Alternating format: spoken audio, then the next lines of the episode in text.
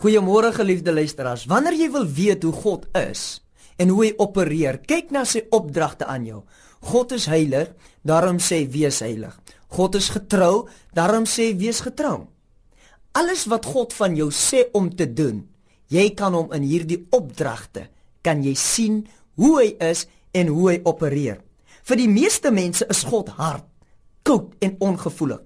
Daarom doen hulle alles in hulle vermoë om op hulle eie 'n sukses van hulle lewens te maak. God stel nie regtig in my sukses en voorspoed belang nie. Hulle het gehoor dat God hulle liefhet, maar hulle ervaring sê anders.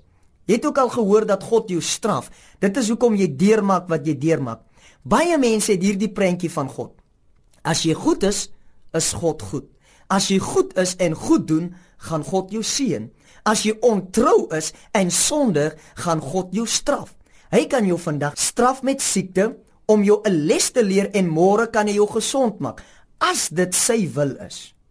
Hy gee jou vandag 'n pragtige kind en môre vat hy hom of haar weg deur die dood want hy het hom meer nodig in die hemel meer as wat jy hom nodig het of hy roep hom na 'n hoër roeping vir hom terwyl jy hulle jou ouers of jou kinders op aarde nodig het. Jy weet nooit hoe jy dit het met God nie. Hy is so onvoorspelbaar. Hy aanvaar jou as jy regloop, maar hy kan jou môre verwerp. Is dit regtig hoe God is? Wat leer die Bybel ons? Soos ek in die begin gesê het, kan jy God sien in sy opdragte aan jou. Matteus 5 vers 39. Maar ek sê vir julle dat julle 'n slegte mens nie moet weerstaan nie. Maar as iemand jou op die regterwang slaan, draai ook die ander een na hom toe. Sou God dit regtig van my verwag om 'n slegte mens nie te weerstaan nie en om die ander wang te gee. Maar hy weerstaan my as ek sleg is en klap my terug as ek hom klap. Dit sou dubbele standaarde wees. Hy kan mos nie iets van my verwag as hy dit self nie doen nie. Hy kan ten minste dieselfde doen of selfs beter. Dit is omdat hy nie slegte mense weerstaan nie dat hy sê ek moet nie.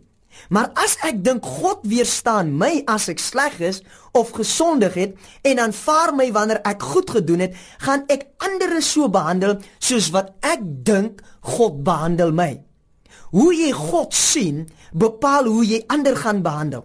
Kry jou godsbeeld reg en jou menseverhoudings verbeter. Die vers gaan nog verder en sê: As iemand jou op die regterwang klap, gee hom ook die ander wang. Dit is baie gevra. Wie kan dit doen? Julle sal onthou toe die soldate Jesus gevange kom neem, het Petrus die oor van Malchus afgekap. Wat doen Jesus toe? Hy genees sy vyand se oor en leer Malchus so 'n les. Hy het dit nie verdien nie, glad nie. Jesus kan nie anders as om goed te wees nie. Hoekom probeer jy so hard om sy guns te wen as hy sê jy moet guns gee as niemand dit verdien nie? As jy Jesus op die een wang klap, gaan hy jou nie terugklap om sy almag te bewys en om jou so 'n les te leer nie.